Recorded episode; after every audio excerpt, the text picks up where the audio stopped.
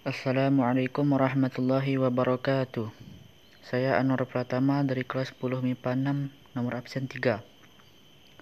Permasalahan yang saya hadapi ketika belajar dari rumah adalah salah satunya materi yang kurang mudah dipahami oleh murid dikarenakan materi tidak langsung disampaikan oleh guru. Mengenai sinyal, Sinyal di tempat daerah saya relatif baik dan stabil. Masalah yang kedua adalah ketika absensi di Google Classroom. Terkadang tidak terdapat notifikasi sehingga absen menjadi terlambat. Sekian permasalahan mengenai belajar dari rumah dari saya. Wassalamualaikum warahmatullahi wabarakatuh.